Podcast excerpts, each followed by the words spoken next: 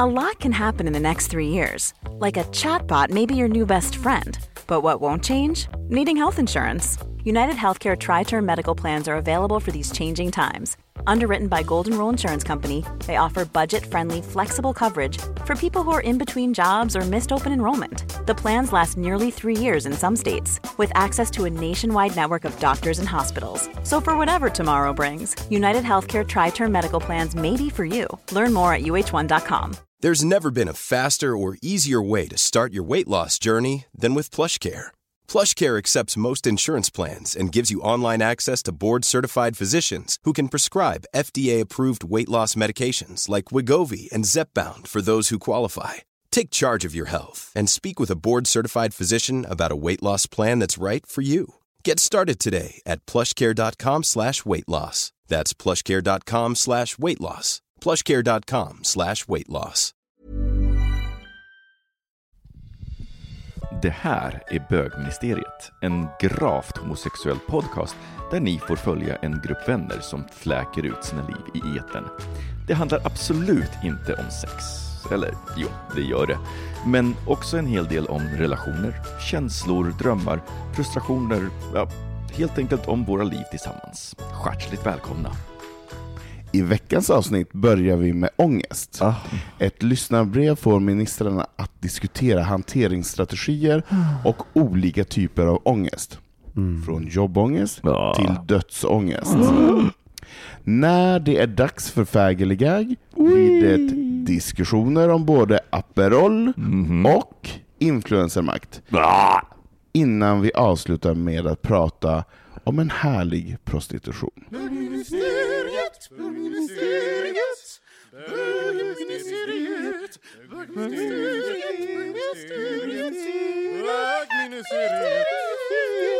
Hej och välkomna till Bögministeriet. Och idag är det jag, Johan Svensson, som tänkte att jag leder programmet för att jag hoppade in här i sista minut. Det betyder att det är du Johan Svensson som sitter här med Ja, men då slipper man, det är ju faktiskt en helt annan position. Jag har lett programmet en gång tidigare med Are. För att det är ju liksom lite lättare.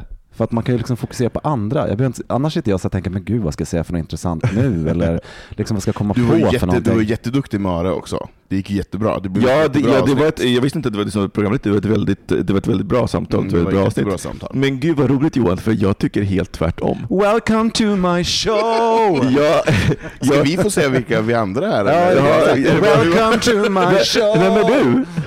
Jag heter Anton Renström, jag sitter också här. Kommer att ta en liten plats så Johan får chans. Ja, välkommen. Och sen på min vänstra sida i den här härliga gråa hörnsoffan hemma hos Micke Kasarnovic så har vi Micke Kasanovic. själv. Ja, precis. Men, nej, men jag tycker det är så spännande Johan, för att för mig så är det helt tvärtom. Jag är så avslappnad när jag inte behöver leda programmet. För när jag leder programmet, då är jag så här hela tiden, nej, det måste röra sig framåt, det måste vara intressant. Jag lämpar över allt det ansvaret. Men det är väl... Eh, så kommer jag säga något taskigt här. Men jag tycker, Det är därför det blir så dåligt alltid när du gör det. Det är så forcerat. det är så forcerat, så dåligt. Nej, men jag kan tycka, jag är lite den här på festen, kan tycka det är skönt att fokusera på andra än mig själv ibland. Det finns en vila i det, inte att jag vill göra det jämt. Det är kul att prata själv om mina erfarenheter. Eh, så, eh, men det är någonting som är när man sitter i en programledarroll eller leder någonting så är man en aktiv lyssnare Mm. också. Så det är ganska kul tycker jag.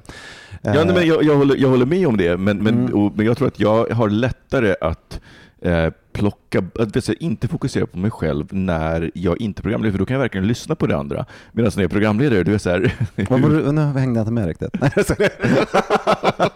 Hur, ja, eh, så det är lite spännande att man kan ha så olika upplevelser av samma sak. Mm.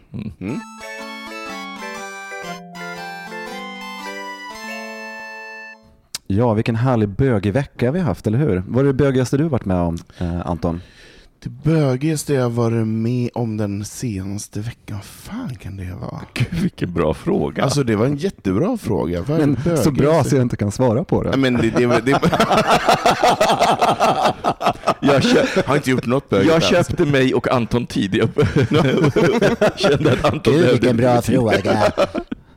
Nej men det bögigaste måste ju vara att jag håller på med mina små inredningsgrejer, går och köper blommor på torget och gör blomarrangemang, köper prydnadskuddar och håller på sådär. Det är väl lite bögigt. Men har du sex också?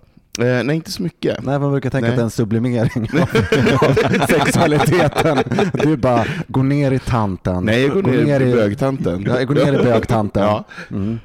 Åh herregud, alltså jag måste nog säga runkat till gayporr. Det är nog det bögigaste jag har Ja, gjort. ja, men det är ändå, Ja, men det, det räknas ju ändå. det har ändå en status kan man Ja, säga. exakt. Nej, men jag, du vet, jag försöker komma på om jag har gjort du vet, någonting som skulle kunna vara bögigt på, på något annat sätt, men nej. Jag har, har nog inte det. Mm. Ja, eh, jo, men det bögigaste jag gjorde eh, i eh, veckan om man räknar in att eh, lördagen är i antågande och vi räknar in förra lördagen så var jag på en 50-årsfest och träffade Jonas Gardell och Mark Levengood. Mhm. Det var ju en det väldigt, var bög. bögig, det var ju en väldigt bögig grej. Dubbel, dubbelbög. Det var dubbelbögigt. Ja, vad Ja. trevligt. Ja, men det var supertrevligt. Var det en bra fest? Det var en superbra fest. Det var en kompis som fyllde 50. Mm, Och, men jag eh, kommer ihåg, vi pratade om mm. den kvällen innan. Att Ja. vi skulle på. Ja, men precis. Exakt. Så, Var det en hemmafest eller en Ja, det var en hemmafest. Det var en Ja. hemmafest. Mm. Så att, eh, men det var ju väldigt bögigt i alla fall. Det var röktes under fläkten de och- parantaste bögarna av bögar var där helt enkelt. Berätta mer, vilka mer var där? Nej, men det var inga mer bögar vad jag vet. Var Pekka. Heino där? Nej, det var, det här var ingen, det var inte liksom hemma hos Jan Voss. Nej, okej. Nej, det var inte den.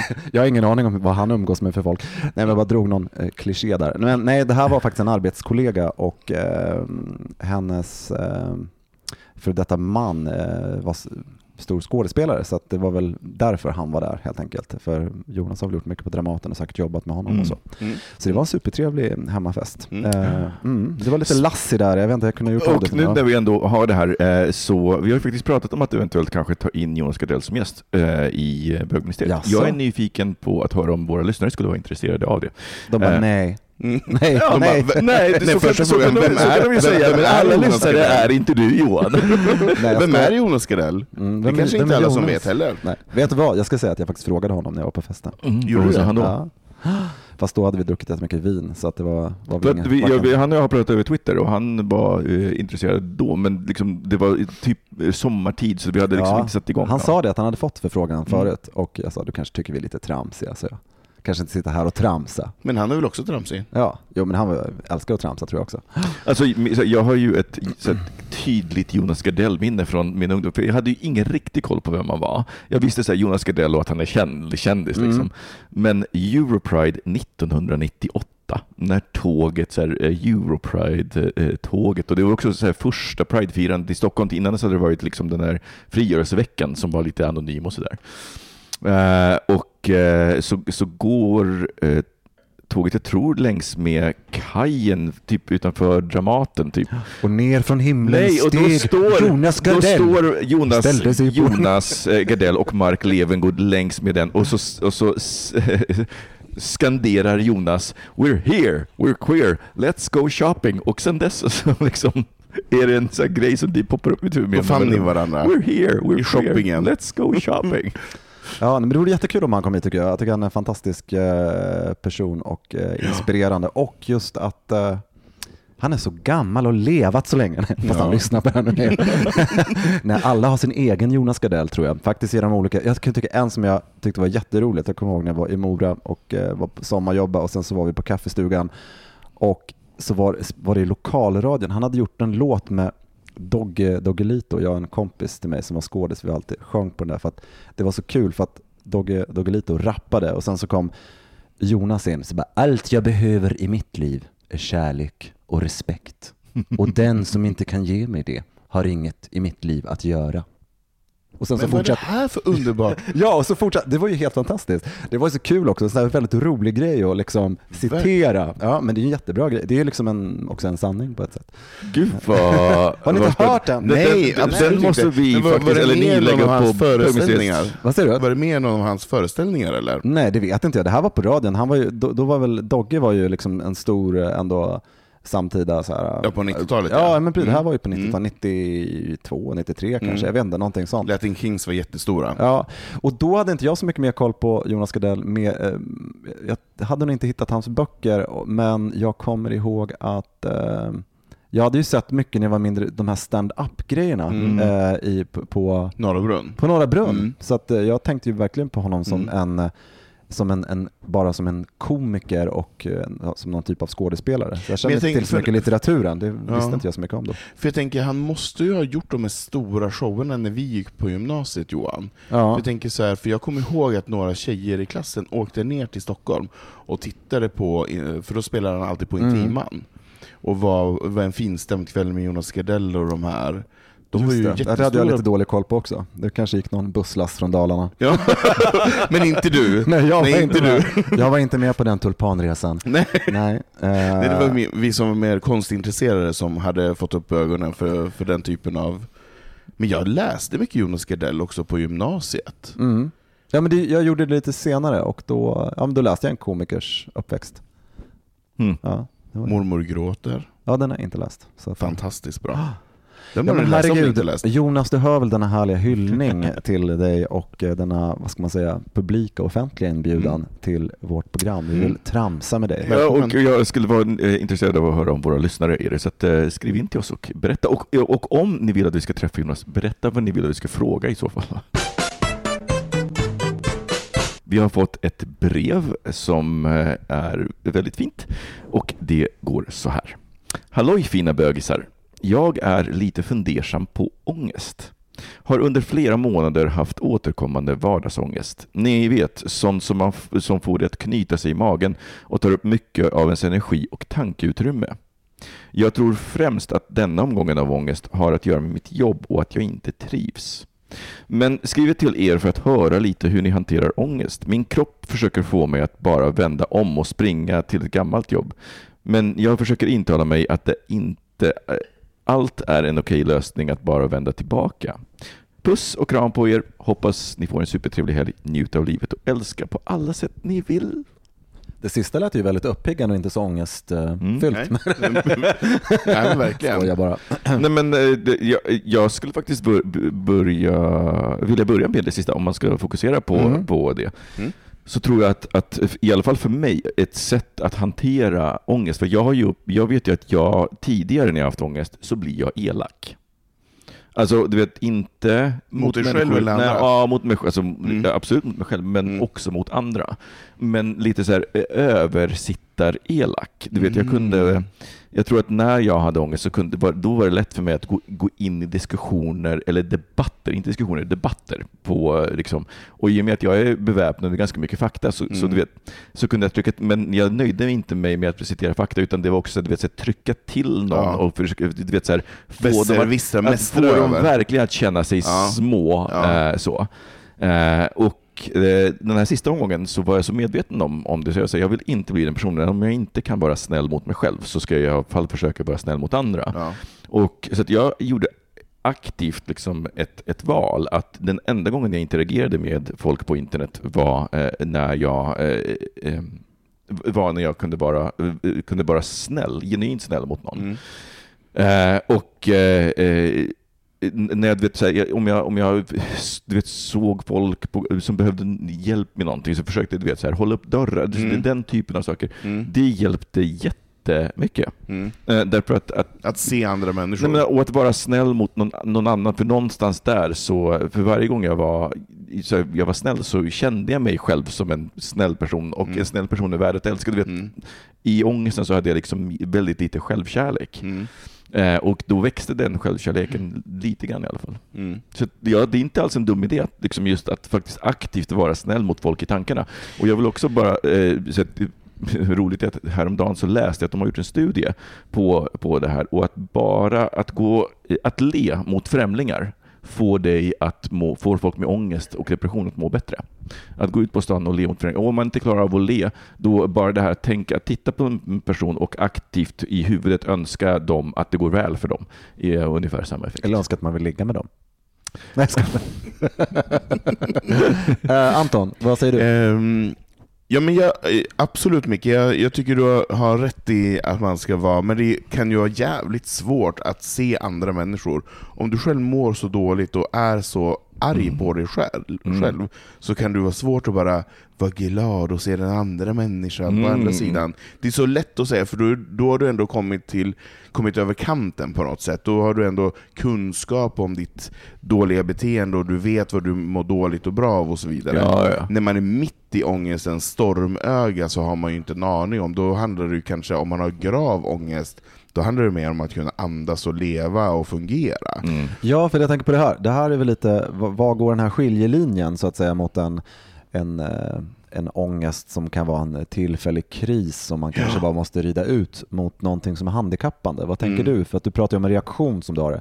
Håller i sig i tre månader så är det klart att då får du ju eh, negativ konsekvens. Eh, Vad, vad, liksom, vad, vad drar man linjen mellan någonting som kanske är normalhanterbart för alla människor mot att vara någonting som på något sätt har konsekvenser som gör att man inte klarar av sitt dagliga liv eller kan utföra sitt jobb eller eh, så, jag, ja. jag tror att din fråga eh, sätter, eh, sätter fingret på, på vad- problemet är. Att ångest är så många olika saker och finns i så många olika så här, smaker och storlekar. Mm. Så det finns ju den här ångesten som är men, så här, handlingsförlamande. Och så finns den här, som jag upplever kanske att vår lyssnare eh, som skriver in har, det är lite mer den här det som, som är så konstant lite naggande oro som, som stjäl energi och det som gör, det vet man känner inte riktigt att man är sitt bästa jag. Det är svårt att vara superglad. Mm. Den.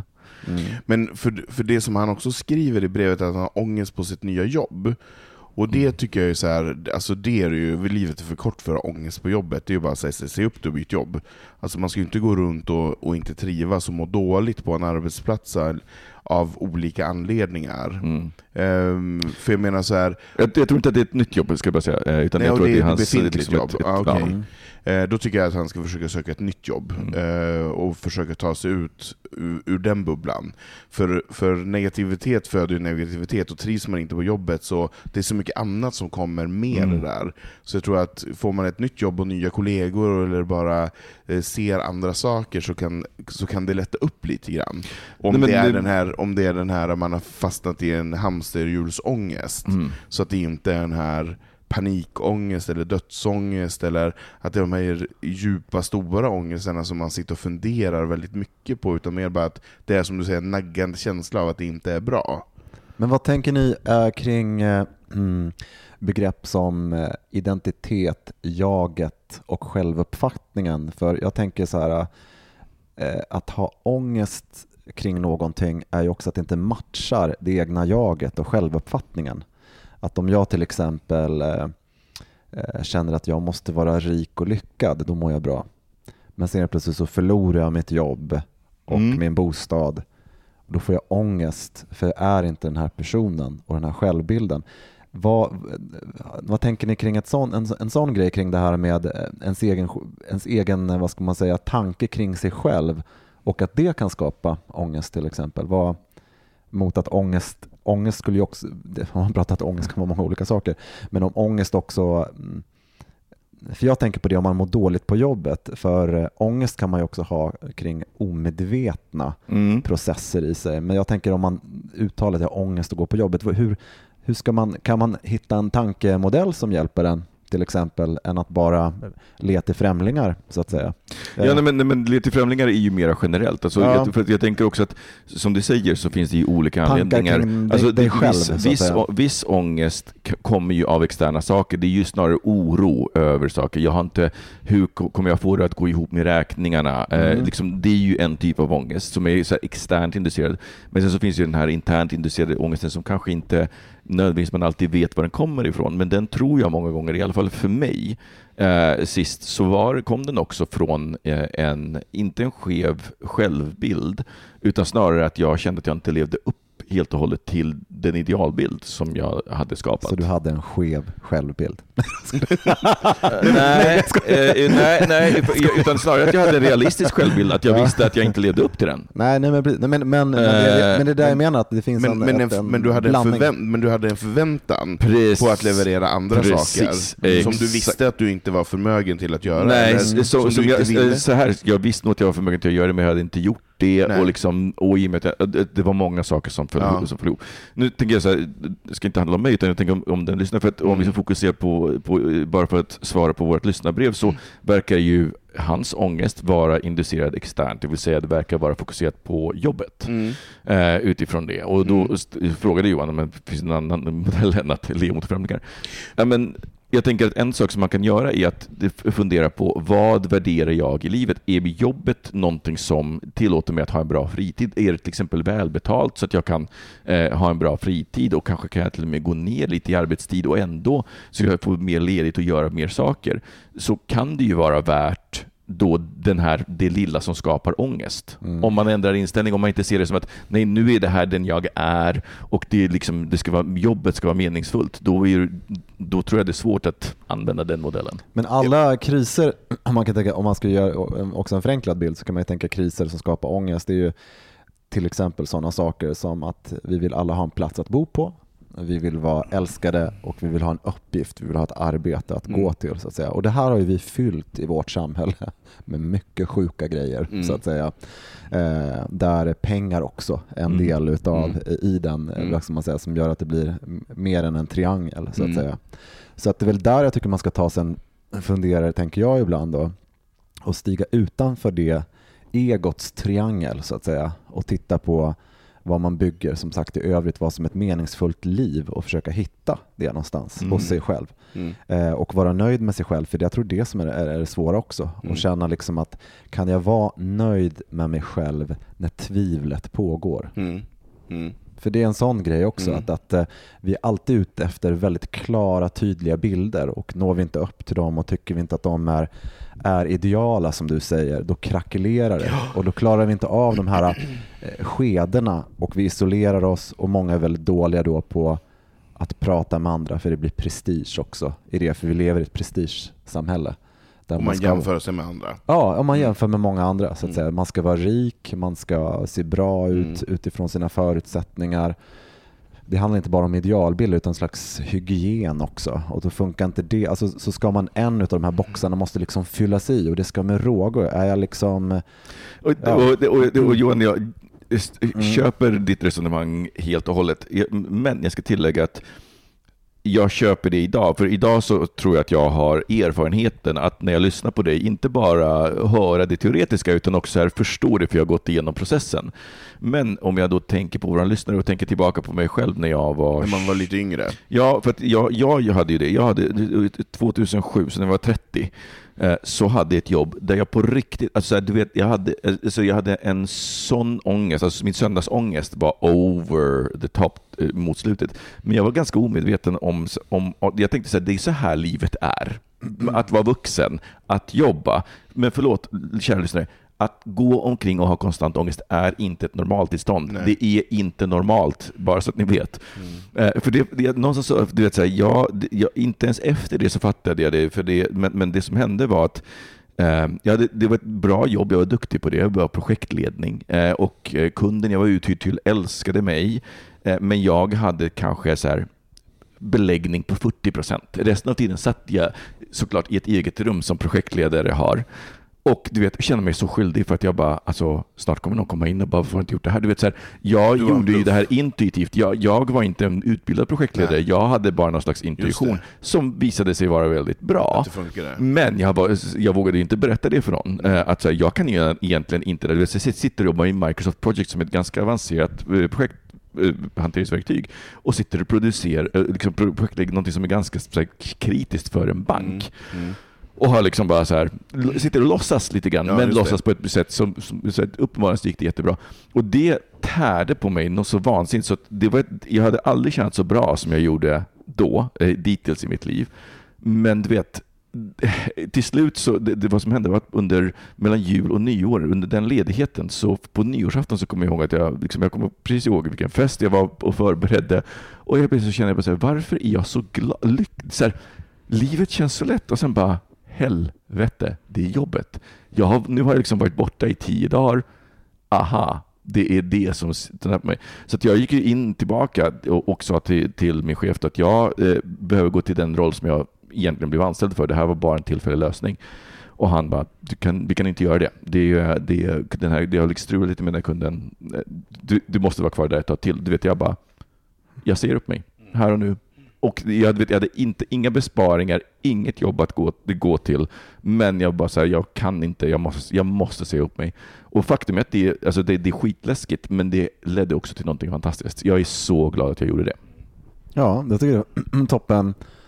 Det är faktiskt en, eh, den historien har man ju också hört genom åren så att säga på olika, mm. olika sätt så att säga. Att, att, eh, och att om alla vore medvetna så skulle det väl inte vara ett problem utan det som du säger att det som man kan ha gått med väldigt mm. länge helt plötsligt eh, eh uppdagas för en att det här är inte en, en bra livskvalitet Nej. helt enkelt. Sen hade man ju velat ha lite utförligare vad det är som skapar ångesten på jobbet. Och lite ja. För jag menar så här, är det kollegor som är elaka eller att det är någon som kommer med gliringar mm. eller någon som så fäller kroppen för en i sitt mm. arbete, att man inte kommer fram. Ja, det är, precis, för det skillnad om det är mobbing eller för, om det är någonting. För liksom... om, det är, om det är så, då är det bara, då måste man ju ta hjälp av någon. någon, någon ja, som det var det jag skulle komma till också. Att det blir, hjälpa till med Ja, om det är på det sättet. Ja, exakt. Att, äh, det är skillnad att hålla på liksom lekmannaprata som man mm. gör med vänner. Så, jag känner mig så mm. deprimerad. Mm. Bara, men vad har hänt med dig? Mm. Det är liksom mm. en helt annan eh, nivå. Sen, sen tror jag att man får söka professionell hjälp. Mm. om, om eh, För det som är lite lurigt tycker jag med, med ångest, att ångest också kan vara någonting positivt. Eh, låt säga att du har en person som har varit med om någonting och så har man tryckt undan där och sen så är du alltid glad och du är nästan lite manisk, alla tycker du är så fantastisk och du gör mycket, men du har aldrig fått kontakt med det där. Mm. Då kan ångesten kanske vara, det kanske är din första kontakt med de här undanträngda känslorna. Så det är det som gör ångest är inte något så operativt begrepp bara och därför kan det vara bra tycker jag att eh, kanske ja, men, eh, kontakta någon terapeut eller något liknande just för att luska ut var det här kommer ifrån. Ja, för det, kan vara de första signalerna på någonting som är väldigt utvecklande. Och det är inte farligt med ångest. Nej, det, exakt, det, nej. det är också viktigt, det, för det tycker jag sen när man är äldre och lite klokare och har fått lite olika ångesterfarenheter genom åren, är så här, det är inte så farligt. Man, man kommer att komma ur det. Och, men, jag tror att man måste vara medveten och försöka ta hjälp både av vänner och professionella, men också vara transparent och bara så här, jag menar så, som, som vi också pratar att du säger att du har haft ångest mycket och att du har känt det på det här sättet. Det är också jätteviktigt att man sänker garden lite grann. För det är ju det som man, som du Johan berättade om, när man jämför sig med alla andra, så tror man ju inte att någon annan människa har den här ångestkänslan. Mm. Medan att det är ju ingen vanlig känsla att folk har ångest. Det är inget, det är inget ovanligt men det kanske är mer eller mindre, och det är övergående, och det är olika portioner, och det är olika färgskalor av, um, av själva kvaliteten, eller um, in, det, det, stora intrycket av, av ångesten. Ja, så vi kanske kan summera det så här. Om du inte är lamslagen av din ångest så är det också en öppning för undersökande av dina känslor. Kanske klarar du det själv. Mm med dina vänner eller med en psykolog. Och eh, sen så funderar jag också, vad lyssnare, eh, så här, du vet, gå tillbaka till någonting. Och eh, nej men nu sitter du lite stressad. Nej men gud, har bara pratat om 16 minuter, du behöver inte alls vara stressad. Jingel! Jag får ångest.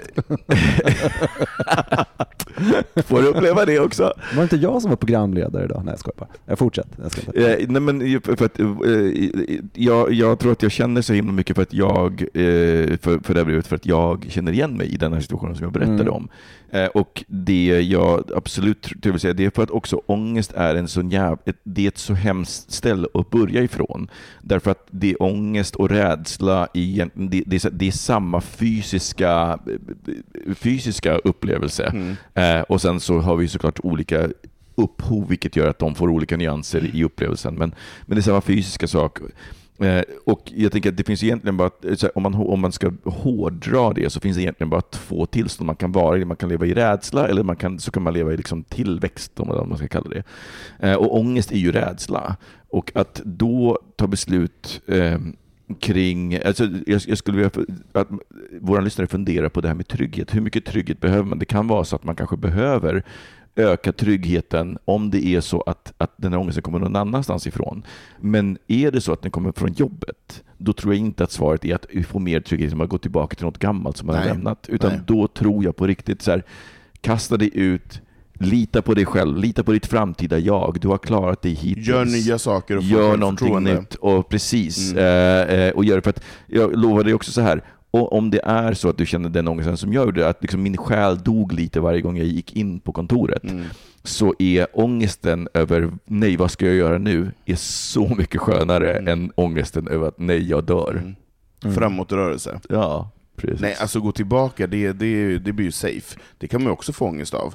Att gå tillbaka till någonting som var dåligt. Mm. Så det, det tror jag inte att han ska gå tillbaka till sitt gamla jobb. Men det är nästan en tanke som kommer också just för att man, som du säger, att om man har rädslan påslagen så börjar Jo, man, man vill vara safe. ja så tänker man, Mm. tar man Nej, beslut men då, och, så alltså, och, och jag ska också säga så här, för att eh, min, min senaste eh, period hade inslag av det här med säkerhet. För att jag var så här, ju längre, och för, för att efter ett tag, när jag liksom den, haft ångest ett tag och du vet, inte jobbat och bara Gud, jag måste ju också här börja jobba. Då blev ju det i sin tur, alltså så här, tryggheten. Jag har bara pengar under så här lång tid i mitt företag. Jag måste göra någonting.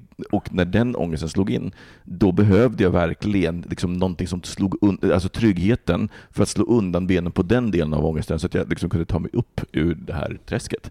Så att jag ska säga att ibland att gå tillbaka och hitta trygghet om det är så att ångesten bottnar, för det finns ju, ångesten bottnar alltid i något. Sen kanske man inte alltid kommer på vad det är och så finns det lager på lager på lager. Men, men eh, att fundera igenom vad det är. Är det otrygghet? Ja, men då är trygghet lösningen. Liksom. Mm.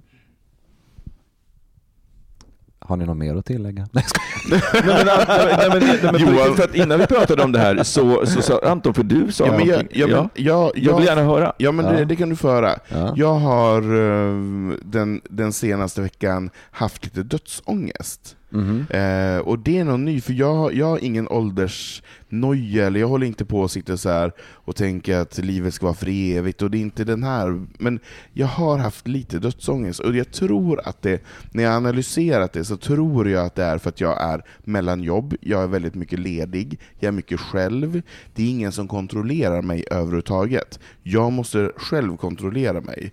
Och när jag fick den här första ångest, så här, det var lite så här, tryck över bröstet, kände så här, är det en hjärtinfarkt, kommer jag dö nu? Och då genast på en gång så slog den här, ingen kommer hitta mig.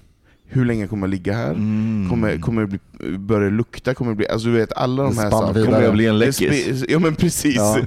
Ehm, och, och då blev det det jobbiga. Mm. Hanteringen, så här, men hur ska, hur ska det bli? Jag har ju inte, jag har inte dödsplanerat någonting som man kan göra när man får ett, ett besked om att nu är du sjuk, du kommer eventuellt Mm. inte att överleva det här. Men att man bara sitter hemma en tisdagkväll och tittar på en, en dokusåpa och att livet slutar. Ja. Eh, och att, att det är ingen som saknar mig imorgon bitti på, på arbetet, utan det kommer kanske att vara ett och ett halvt dygn tills någon kompis har smsat 20 gånger bara ”varför svarar du inte?” Mm. och då blir orolig. Mm. Men att man inte har den här kontrollfunktionen. Mm. Och det gjorde mig lite, och det är också någon typ av den här som vi pratar om, den här att känna sig trygg. För Mm. jag känner mig trygg när man har ett arbete och man vet att ens kollegor kommer att höra av sig om man inte dyker upp på jobbet.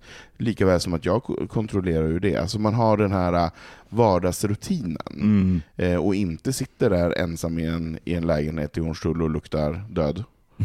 Jag bara, usch vilken hemsk bild, verkligen. Ja, jag förstår att den skapade ångest. Men, men vad, vad är din relation till döden, Anton? Är det ju liksom, vad, vad, här, om vi börjar där, vad, vad, vad tror du händer efter att du dör? Alltså jag, jag tror inte att det händer jätte- jättemycket, och jag funderar inte jättemycket på vad som händer efter döden. Mm. För det, om det händer någonting så händer det, och då får jag ta itu med det då. Mm. För jag känner att jag kan inte påverka det, för jag vet, det enda jag vet är att jag kommer att dö på Mm. ett eller annat sätt.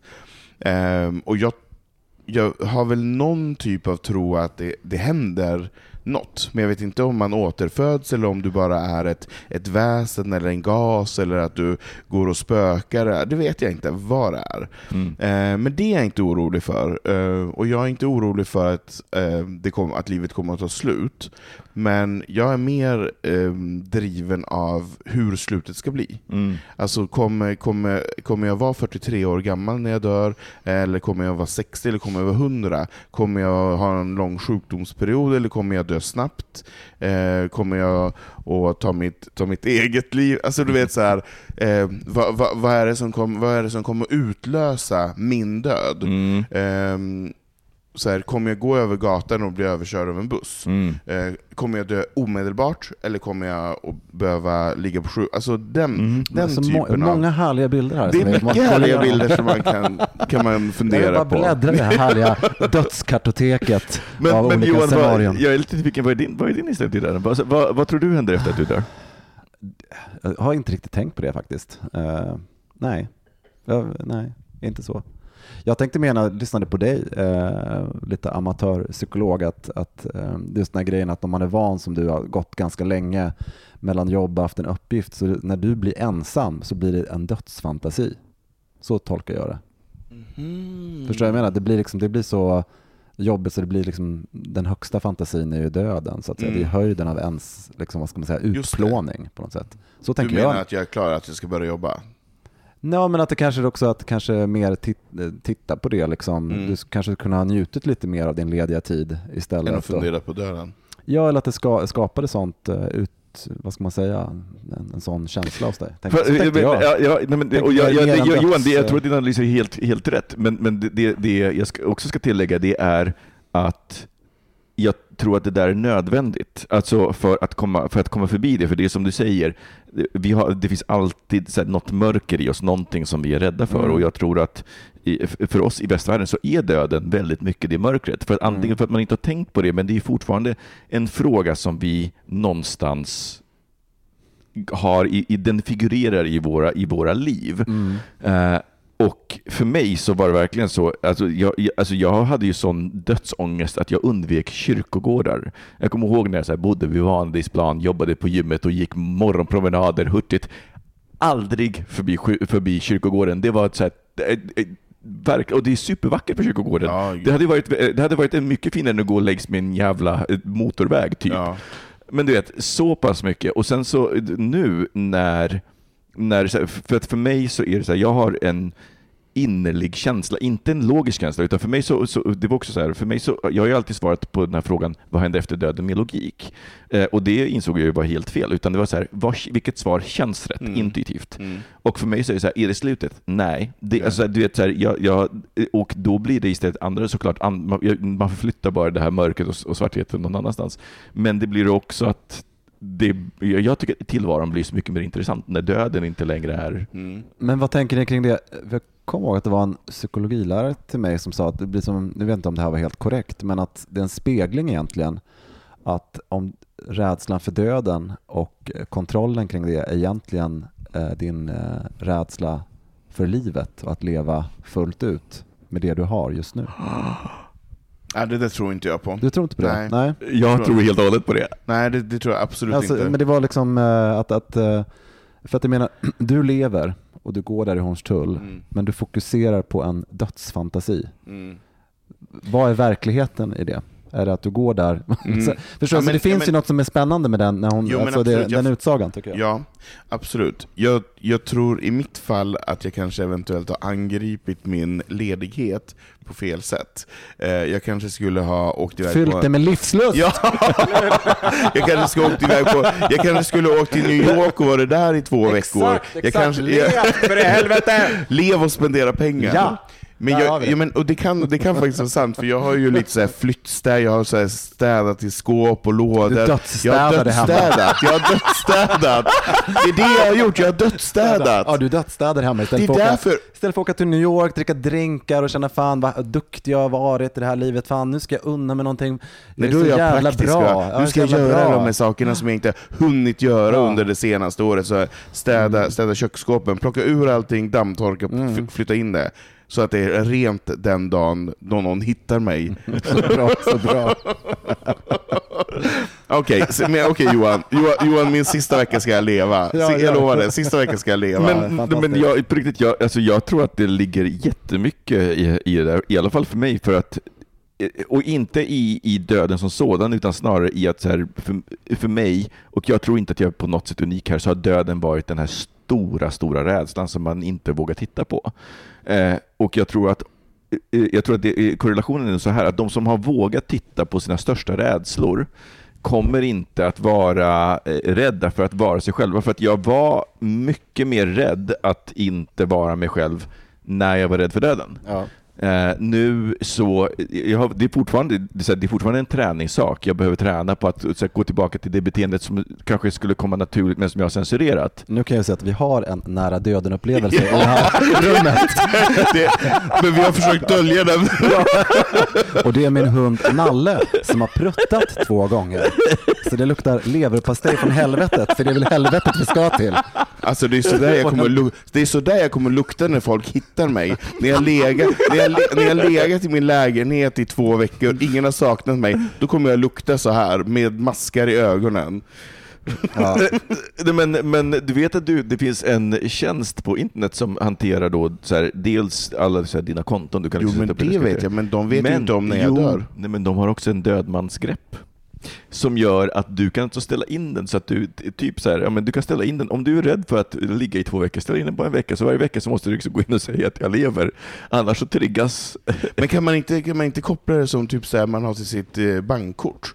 Att aktiviteten på bankkortet säger vart du är någonstans. Om jag inte shoppar så... Om jag inte shoppar, då blir det Service for spending gays if they die. Ja, men alltså... Det är ju en kille, men det här- förlåt, men vilken nu, app det, för det bank. här vill jag ha. Jag vill ha en funktion i telefonen som, är jag inte aktiv på x antal timmar, då måste den börja larma. Det vill man ju ha. Kanske Grindr ska koppla in det här. Jag tycker vi sätter punkt för det idag Ja, vi sätter punkt för det. vidare.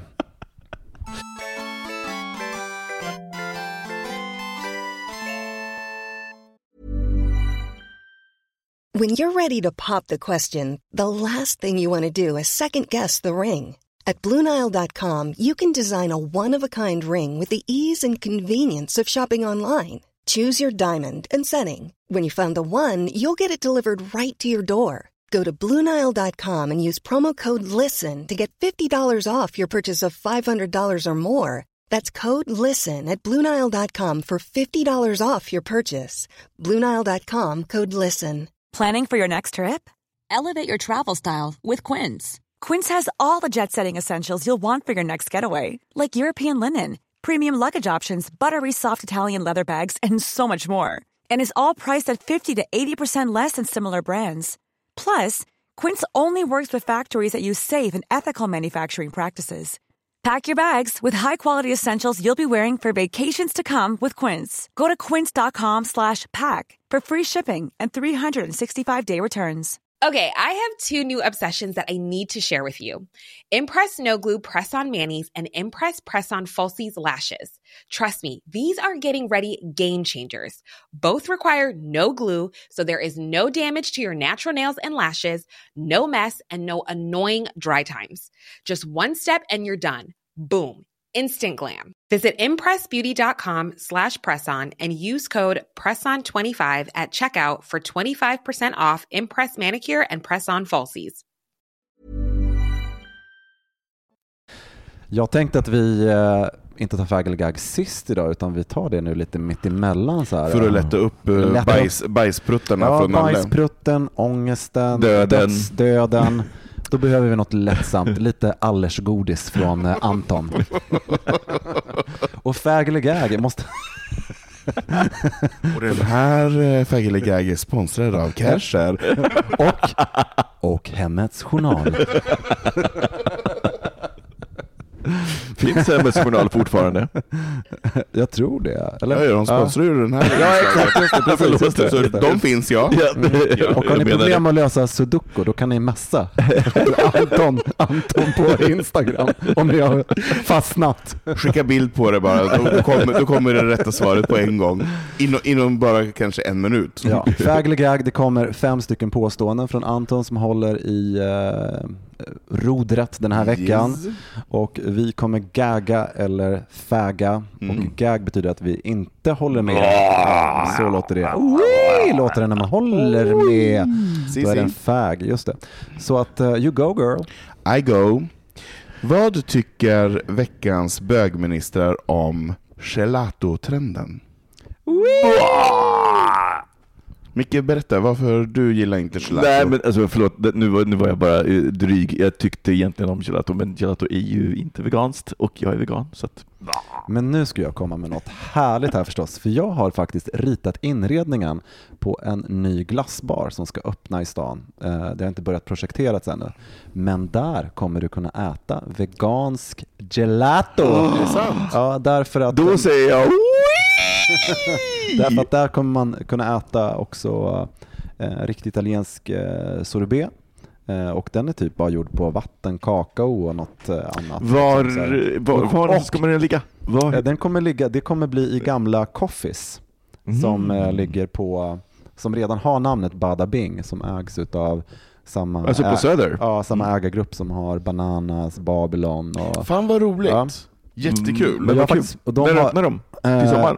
Nej, det kommer nog ta lite tid för att det, det har varit en lång process med Mm. hur man ska dra om ledningar och skit och så. så att man försöker Man göra det röra i glassgrytan. Ja, men där har de faktiskt här, det som var häftigt med det var att när jag åt den där glassen då som var, eh, det var inte så att åh det här är vegansk glass utan den blir ju det per Mm. automatik av receptet.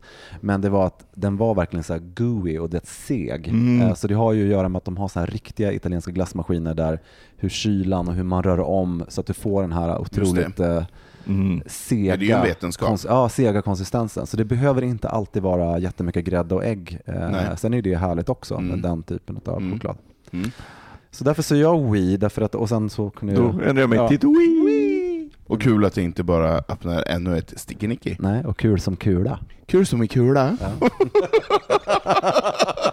och ännu bättre med två. Det här kallas för dad humor på engelska. Ja, men vi går över till nummer två. Vad tycker ministrarna om eh, denna veckas snackis av bojkotten av Brunei? Är det någon som kan berätta lite grann om, om det är någon som inte har uppmärksammat vad det är för någonting? Men har ingen gjort det så stäng av. Då stänger vi av.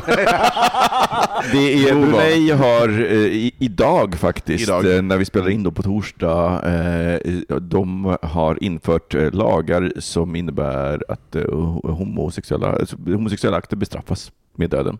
Mm. Eh, och eh, Brunei eh, är ett eh, kungadöme, typ, eller ett sultandöme eller kanske någonting sånt. Eh, och de, eh, men de äger hotell i eh, Storbritannien, ett, ett gäng. Och de, då har det, liksom, jag tror George Clooney var den första som, som kallade till bojkott av Mm. alla dessa hotell för Mm. att på grund och av det i USA också. Det finns, Ja. det är väl en blandning både mellan ägarskap och investerings, Mm. liksom investmentbolag och sånt helt enkelt. Ja, men så att precis. alla, typ, Men alla stora kändisar har ju Visst också... var det så att vår kung var ju också i blåsväder för att han åkte till Brunei för x antal år sedan. Ja, det var en stor skandal. För jag lyssnade nämligen på en eh, podd i bilen där någon hade djupintervju med Elisabeth Tarras, Wahlberg. Ja. Mm. eh, som hon berättade och där var ju egentligen den största så här, grejen att hantera när liksom Under hennes tid Ja, som... det kan jag tänka precis, mig. Just det. Ja, exakt. I och med att eh, det är ju liksom en diktatur och liksom, Mm. eh, ja, så det var ju problematiskt. Det kan man ju bara googla, det där finns ju Mm.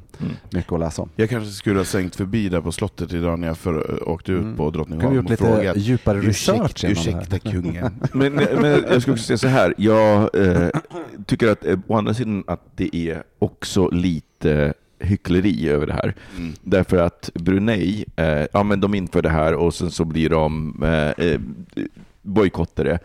Hur många har kallat till bojkott av Saudiarabien? De har ju faktiskt mördat, styckat Mm. och eh, eh, de har mördat och styckat en journalist i en ambassad i Mm. Turkiet. Mm. Alltså på ett, Ja, du vet, så här, för mig så är det, det, det, det, det om man då inte har gjort en aktiv bojkott i det första fallet, men gör det i andra, så blir det lite för mycket Mm. godhetssignalering. Mm. Nu det är gör de bättre att någonting inte ont. göra någonting skulle jag säga. Det är mitt, Nej. jag skojar bara. Nej, nej, nej, men det är inte vad jag säger, men däremot så, är så här, Ja. det är ju, alltså på riktigt, Saudiarabien är ett hot mot demokrati idag. Det är ju de som exporterar. Så här, I Sverige så finns det eh, eh, ganska många eh, eh, moskéer som är som får pengar från Saudiarabien och de, som sprider wahhabismen. Och det såklart svartmålar ju alla, även de muslimer som inte är wahhabister. Wahhabister är ju liksom Mm. de extrem Så, att det, så, att, vet, så att det finns ett problem med det där att, att vi låter, för, för det är också här,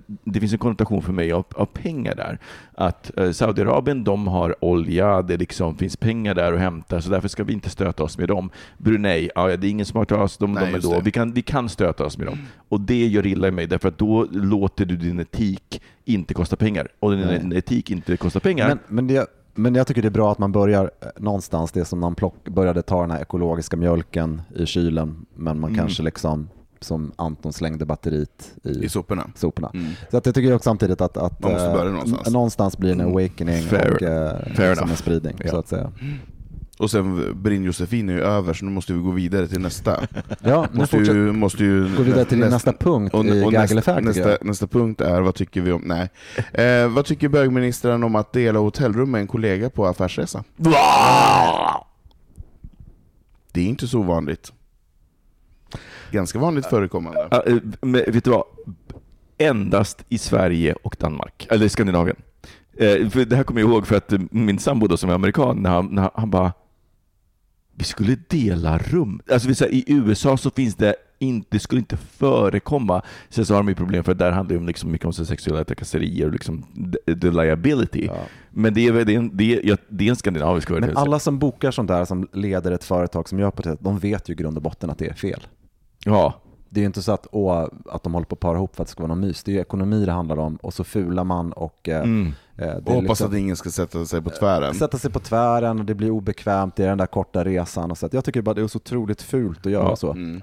Det, då kan man eh, skippa det eller göra något, något Ja. annat. Det är din privata tid som du har. Mm. Och, eh, det, jag kan tycka lite, även om inte jag har varit med på det, men de här grejerna när folk ska åka på, om du ska ha en jävla kick-off-resa, då ska inte alla stå eh, spela tennis och stå och duscha tillsammans efteråt. Nej. Förstår? Men välj något annat Mm. som liksom Mm. inte är att komma in i någons badrum eller eller, eller, Nej, men- eller nej, men- sova i samma säng. Ja. Hallå, nu måste vi liksom, det där är bara, de som bokar det och tänk ett varv till, det är liksom, eh, det, är inte, det är inte Nej, men okej. Jag håller helt med dig, för att vill du få din personal till den punkt att de faktiskt är trygga och delar rum med varandra, do the fucking work. Det innebär, det innebär att ni måste spendera massor med pengar och arbetstid på att teama ihop folk och få dem att känna sig så bekväma med varandra. Då kan ni göra det, men försök inte tvinga fram det och, genom att spara lite pengar på en konferens. Nej. Fuck Nej. that. Bra. Mm. Då är vi på nummer fyra. Åh, 64. Jo. Vad tycker eh, ministrarna om den så kallade influencermakten som finns idag?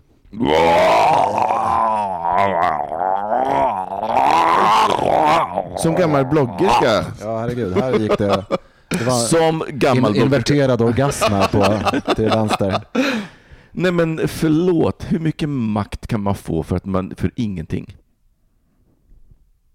Det är, Det nej, det berättar är, du. Berättar du. för mig så är det ett helt skrämmande koncept. För att för mig så är en influencer, alltså det är ju inte en person som är känd av andra anledningar, utan för mig så är influencer just det, du är känd för att du är känd. Du har en massa följare och därmed så har du makt. Förlåt, men att ge någon den makten, alltså bara alla de här blinda följarna som följer den personen och ger den den makten, den personen som uppfattar att har den makten och försöker använda den på olika sätt. Fuck that! På riktigt! De här, vad har de här människorna för kompetens? Och, och vad, vad har de för anledning? Vad har de för, för värdering? Nej. Just no. Mm. Mm. Och Johan håller med.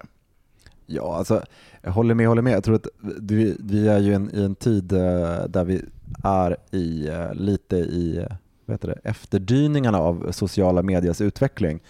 Och där kan man, om man tänker på influencers, så har väl det varit en sån här sak som har utvecklats och några var liksom early adapters som man säger och eh, kunde, som man tänker, vad heter hon, Kenza typ som gjorde, som ändå blev typ en businesswoman och Mm. eh, sålde jeans och gjorde alla möjliga olika saker. Och Blondinbella. Och Blondinbella som startade en hel industri liksom. Jag har och, eh, klippt ifrån Blondinbella och kallat mig ful. ja, Va? mm, I vilket sammanhang? Eh, på Twitter. Jag tror att... ful som ful gubbe? Eller? Nej, nej, nej, nej, nej, nej. Utan att, eh, att, jag inte, att jag inte är så helt själv, men det var ju liksom, eh, Ja, ja. Jag, jag hade en beef med Anton Abel, kommer ni ihåg den här unga Ja, riksdagsmannen? ja, Så jag skrev en tweet som jag inte är så stolt över idag, jag skulle nog inte ha skrivit den För du idag. hade ångest då? Eh, Nej, då.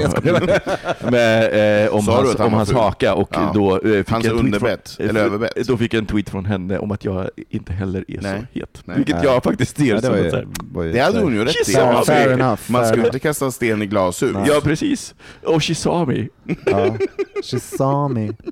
Ja, nej men det finns ju också analys kring det här att, att det kommer, det här influencer-grejen kommer inte funka framöver. Jag har ju gått på mycket sådana där jag går ju på mycket sådana där olika... Ja just det, för anal- din bransch är ju... Ja, man marknadsanalyserar och så här. Och, och sen ska jag säga att jag har ju en, en butik och ibland har vi haft event. Jag har liksom två, kontakt med två PR-byråer. Ibland är det liksom betalda event för att de får använda min butik som plats. Sen har Mm. jag liksom, det är lite olika grejer.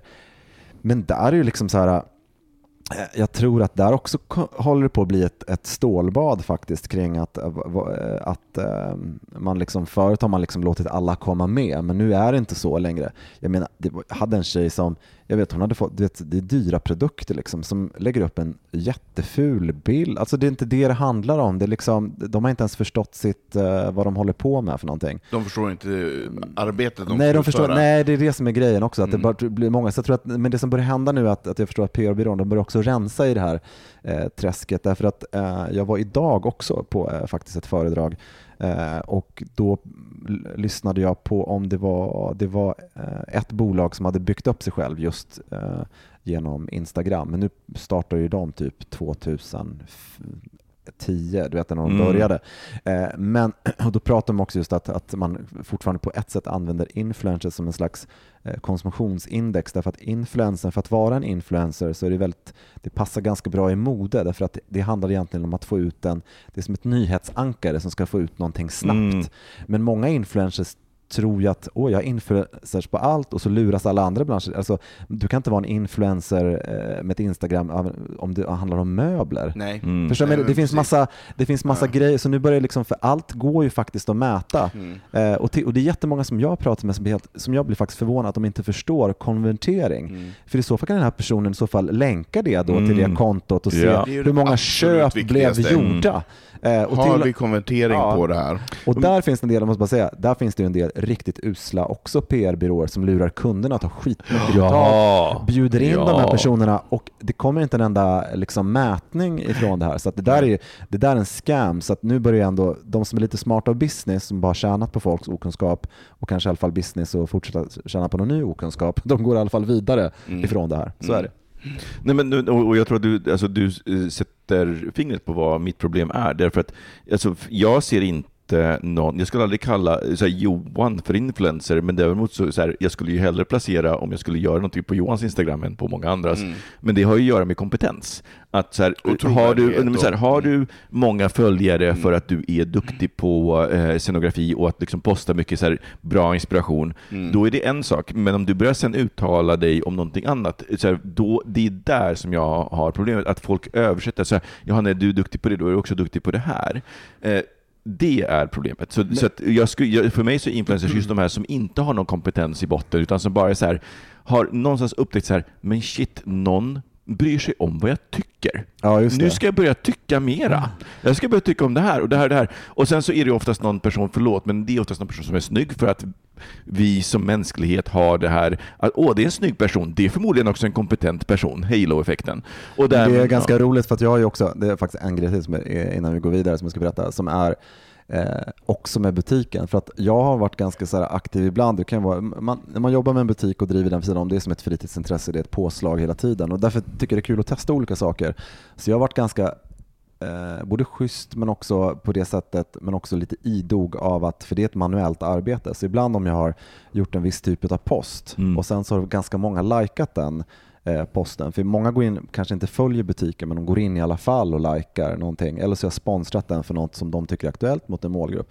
Då har jag gått in och skrivit så här, "Mm, vad kul att du gillar den här posten med det XXX, bla bla bla och, och så. Eh, om du vill gå in och handla den här produkten så får du använda den här rabattkoden. Så får du liksom och då eh, finns det många som, inte alla, men många som svarar så här, men gud vad snäll, tack så mycket, det ska jag tänka på om jag, går, om jag handlar i eh, butiken. Mm. Men ganska många också, det finns en annan, nu ska jag säga, men låt säga i alla fall 10-15 personer, så är det unga kvinnor eh, som skriver in, är det en rabattkod eller är du öppen för ett samarbete? Mm.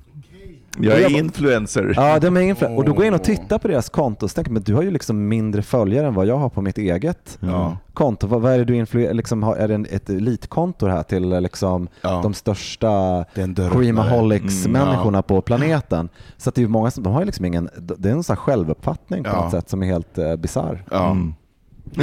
Ja. Bra avslutat. Med, med, Ja. med det vill jag också tacka Hemmets Journal som har sponsrat. Nej, men vänta Och det är- Ja, men en- Jag ska bara flika in, Ja. jag bara flika in Ja, så vi det. inte glömmer det i Ja, det, slutet. precis. Så det är viktigt, Journal. det är Ja, viktigt sista- sista hela tiden Ja. inför, Ja. så, att, så att nu att lyssnarna hör. Eh, nej men nummer fem då, vad tycker eh, de här små bögministrarna om att Aperol-säsongen är här? Bra Johan, vad, vad tycker du att det, vad, vad tycker du är årets Aperol? Vad är jag årets tycker Aperol? Är så jävla äckligt. Eh, jag dricker hellre eh, Campari. Mhm. Ka- Alltså grejen är att jag, jag Campari ju punkt, inte Campari juice utan Nej, Campari. så här, nej, för att det är mindre, det är så jävla sött det där andra. Jag tycker Mm. inte att det är så gott. Så Campari är lite mer bittert. Bittert vill Ja, bittert och ha. då, det blir någon sån grej för att eh, de här Aperol, liksom, de började ju stenhårt för fem år sedan liksom sponsra skitmycket Mm. events i Stockholm. Mm. Så nu ska det vara på, liksom folk blir så här hjärntvättade av att Mm. dricka Aperol. Liksom, prova något annat. Jag tycker det är för, det är för mycket arrak-smak för mig. Mm. Eh, Så det är bara att, eh, men det Mm. är intressant att, att det, har blivit, det har blivit ett begrepp så till och med Mm. du tar upp det här. Mm. I, Till och med jag. till och med du. Alltså jag ska ju villigt erkänna att jag har druckit Aperol exakt en gång i mitt liv. Och, Och då det var du på det ett influencerparty som jag var inbjuden till. på, slags, på, eh, vad- heter det här på... Det var sponsrat Eh, av eh, Hemmets eh, Journal! eh, hotell, det här lilla hotellet som ligger vid Östermalmstorg, eh, backen över mellan, Ri- eh, mellan Grev Story Hotel. Story Hotel. Mm. Där hade de ett event eh, med Aperol Spritz och jag hade aldrig någonsin druckit det och Nej. eh, så fick jag dricka det där. Och jag tyckte det var Det ganska... var en nyhet för dig. Var ganska, ja, fast, fast jag ska också tillägga att det här är säkert åtta år sedan. Ja, det var säkert då de började med sin, sin räd. Men för det, det har ju gått som, det är ju som en böldpest. eh. Alltså det är ju så här, nu, jag ser ju uteserveringarna börja komma nu och det bara blommar av den här orangea Aperollen som bara Det är som smörspray och ja, såser. Ja! Men det skulle vara kul, men okej, du, du jobbar för andra typer av Ja, spriter. Campari juice, Campari soda, prova Ja. det kära vänner. Mm. Mm. Campari Soda tycker jag är gott, Campari Ja. juice tycker inte jag är så gott. Ah. Men Campari Soda är gott. When in Italy. Ja men tack ska ni ha, det var veckans faggeligag. Tack Anton. Och nu Micke ska du börja snacka lite om, extra knäck. Ja, vi har fått ett eh, till lyssnarbrev. Det här lyssnarbrevet skickades via bögministeriets hemsida. För att om man går in där så kan man vara helt anonym, så att den här personen är helt anonym. Och Oj. eh, hen skriver så här. Hej bögministeriet. Ni är fantastiska att lyssna på. Tack för allt ni pratar om och jag hoppas att ni finns kvar länge till. Mm. Fint, jag Så länge Hemmets Journal sponsrar så kommer vi att finnas. Och så det inte luktar i Hornstull. Jag har en fundering som jag inte riktigt vet hur jag ska förhålla mig till. Jag har blivit förfrågad via Grindr att helt enkelt sitta på en mans ansikte och låta honom utföra vissa saker till min bakdel. Vissa mer not safe for work än andra. Han, vi behöver inte gå in på detaljer, men han vill sedan betala mig för detta. Vi snackar cirka 2000 kronor i timmen. Är detta lagligt? Lätta pengar, men ändå. Vad säger ni? Hur bör man förhålla sig till detta? Hur har ni, har ni varit med om det? Tack återigen. Jag tänker först där, i ti- per timme tänkte jag. Du berättar hur många timmar handlar det här om? Hur länge ska han sitta? Hur länge ska han sitta? Jag menar så är det, är det en arbetsdag? Är det, åt, är det åtta, Åtta timmar. timmar? Det är ju lite jobbigt att sitta i hukande ställning, får han sitta på knä? Alltså, Det är lite så lugnt Anton, det finns stolar. Det finns stolar, okej. Eh, eh, olagligt är det väl? Det är väl olagligt Det är att betala- olagligt att köpa sex, inte att sälja Nej, sex. men än precis. så länge. Men av den personen som då erbjuder pengarna, det är väl den olagliga handlingen. men- att ta men- emot pengarna är väl inte olagligt? olagligt, nej. nej. Så det tycker jag säger, men fine, ta emot om du känner för det. Det har jag inga skrupler med. Nej, men alltså, för, alltså, man, här, man kan ju skoja undan den här frågan, men den är ju, det, här, un, det finns ju en ganska allvarlig underton här. Mm. Eh, och jag, här, eh, eh, jag, jag tror att den goda medelsvensson reflexmässigt säger nej, man ska aldrig prostituera sig. jag kan inte ha en så lika enkel förhållning för att dels för att jag har en gång eh, minst tagit betalt för sex. Och minst en gång. Som Hur många gånger har du tagit, hur många gånger Nej, har du men tagit som jag betalt? minns, det roliga är att så här, grejer, jag, jag, har, jag har ju gjort så mycket saker så jag Innan Swish var det inte så ofta. Nu är det lättare. nu är det lättare. ja. Nej men jag har ju förträngt massa saker så att ibland så är det så här, när någon pratar om det, bara, men det har jag också gjort. Så. Eh, och eh, just det här med att ta betalt för sex är en sån sak som jag faktiskt kom på en gång i bögmässighet när Robin pratade, jag bara, gud det där har jag också gjort. Ja. Så. Eh, och jag, så här, jag fick en 500 jag tyckte det var supertrevligt. Jag du vet, för mig så var det inte ens att jag så här, Nej. Han, han eh, var en kille som var lite Ta osäker här, på sig själv. För att, för att han var, eh, för att han var eh, satt i, i rullstol och var lite obekväm, raggade upp mig via linjen, eh, heta Ja. linjen och så här. Och det, Men det var ärliga raka kort på en gång. Det var så här, du Ja. kommer hit och har sex och du kommer få de här pengarna. En Du 500, visste, ja. du visste det när du åkte dit. Mm. Ja, men, så här, men också att han, han var också så här, så här det finns liksom inget, det Nej. fanns inget tvång i det, utan Nej. jag, så. Och han var fin. Ja. Och, Så att, vet, för mig så var det så här, som kåt tonåring, bara så här, score, sex, Ja. pengar. Ja. Två saker som bara... Så gick du ut och köpte ett paket Hubba Bubba efteråt. och Kalle Anka. Mjukglass. Du, ja, du kom med det var precis vad jag gjorde. Eh, men, nej, men, nej, men du vet, och så här, och jag, på riktigt, jag kan inte se att jag ångrar det, eller att jag har skadats av det. Eh, och eh, också om man, man lyssnar på folk, det finns folk som frivilligt jobbar med att sälja sex, och som inte ser det som ett problem, så är det så här, det är väl ett problem om man ser det som ett problem. Mm.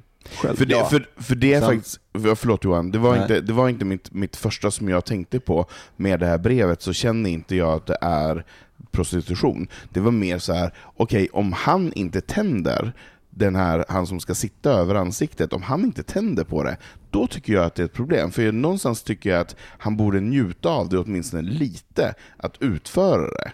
För jag menar så här, har han bara blivit erbjuden att göra det helt random, eller är han, tycker han också att det är lite härligt att sitta på det här ansiktet? Får han någon typ av eh, njutning utav det? Kör bara. Men jag köper ditt resonemang, men jag skulle vilja vända på det till att gör det honom illa? Om det, inte, om det gör honom varken till eller Ja, från. I förlängningen menar jag också illa, men jag menar, i men- men- men- situationen men- är det ja, nice. nej, men jag menar att i, i situationen så kan det vara så här, det här gör mig varken till eller från. Jag bryr mig verkligen inte. Det kanske är lite så här, ovanligt, men jag bryr mig egentligen inte. Det, det är för, faller för mig på sidan gör det. Men sen kan man också Förlåt, säga att, att det här... vi kommer bli anmälda för koppleri. Nej, men det, jag tycker också att det faller lite utanför eh, prostitutionsbegreppet, för det här är, ju- låter ju lite som en privilegierad lek. Mm. Förstår vad jag menar? Det är Mm, liksom, mm. det är lite som, eh, oj, det liksom var kokain på överklassfesten och Ja. alla var höga. Och sen gick man till sitt, eh, sin dyra lägenhet och levde sig, alltså det, det är väl det att man kontextualiserar vad, vad, vad som är liksom en sexuell lek. Det är kanske för någon som är stenrik så är det lite pirrigt att göra någonting om någon kastar 2000 Mm. kronor på en.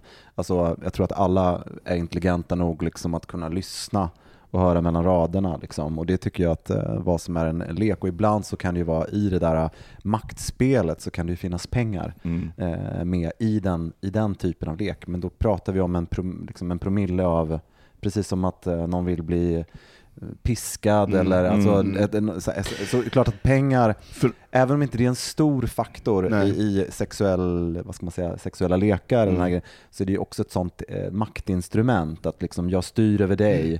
Och jag betalar dig. Sen kan det vara en fantasi om man lever Mm. ut den, eh, den leken.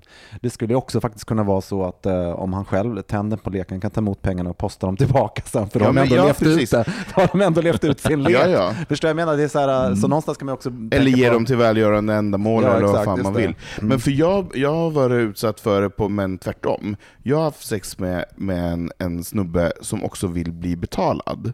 Mhm. Eh, så vi hade sex en gång och det var supernice, och sen andra gången som vi skulle ha det, han bara Kan inte du bara lägga 500 spänn på kylskåpet när jag går? Jag bara eh, Nej. Nej, men det finns en kakburk där uppe, så ta en kaka innan du Ta en liten hallongrotta Ta en innan du går. hallongrotta innan du går. Du får ta två, det är helt okej. Och i varje kaka finns det också en liten 500 inbakad i det vaniljrånet. Ta ett vaniljhjärta kära du. Och jag tänder inte av att betala någon för sex. Eh, och jag kände bara såhär, mm, nej det här, är- det här är inte min grej. Han bara, nej men jag, jag tänder jättemycket på det här, jag vill verkligen Men kom att det... man med det så spontant efteråt? Då, Ja, så men det var det- inte planterat? gång- gång ja. två, gång ja, två. okej. Vore det inte lite Eh. sexigt om du la 500 spänn upp? Ja, Du men bara, lite eh, så här. No girl. Jag bara, nej men alltså, jag visste det skulle kunna göra, men det gör ingenting för mig, så jag kommer Jag blir bara inte... fattigare. Alltså, men, alltså, men, men, alltså förlåt, men alltså, om, man, om man sen analyserar situationen, antingen så hade den här personen faktiskt världens sämsta självkänsla eller världens bästa. För att så här, antingen så var det verkligen så att den gick igång på att du Ja, han- behandlar han mig gick som en smutsig.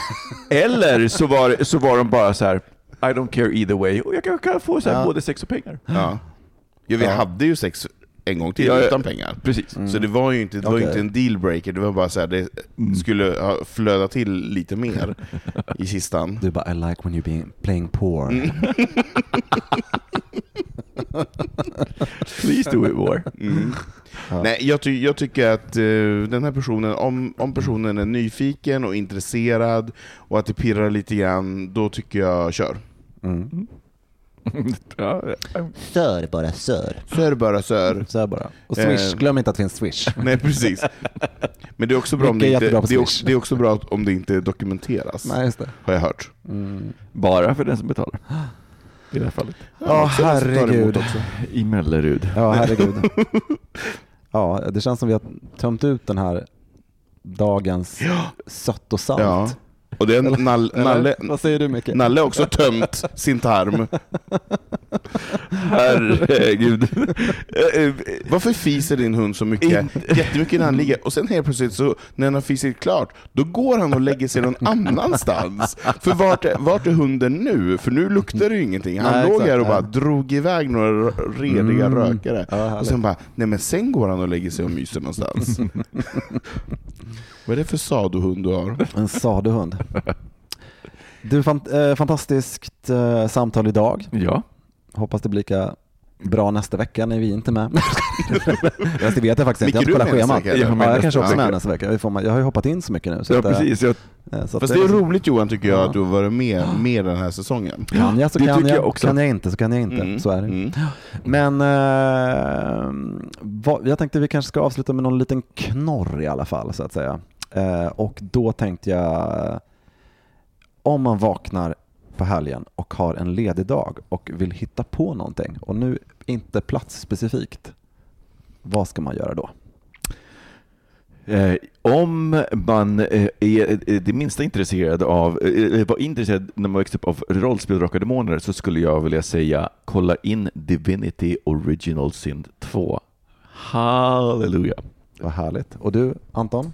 Men jag skulle nog eventuellt vilja slå ett slag för att, eh, att man tar sig ut och hittar nya kommunikationsmedel. För det finns ju så här små färjor och bussar och så här som, som åker fram och tillbaka som man inte åker med dagligen. Eh, som kan faktiskt ta en till nya platser som, eh, det är roligt och, om, man har, om man har tiden tänker jag. Ja, så lite så här, när man är på semester, att man kan åka fel, det gör ingenting, så kan man åka tillbaka. Mm. Eh, Det tycker jag är roligt, att upptäcka stan fast i ett nytt kommunikationsmedel. Mm. Ja, kan jag väl komma med något tantigt jag då? Eh, laga någon maträtt du aldrig har gjort tidigare. Kolpudding. Kålpudding. Åh, kålpudding. Och bjud, skicka en portion till min hund. ja, tack kära lyssnare för idag. Eh, vi avslutar bögministeriet. Tack Micke Kasarnovic. Tack Johan. Och tack Anton Renström. Tack, och jag tackar mig Johan. själv. Tack Johan. Hej då. Hej då. Hej då.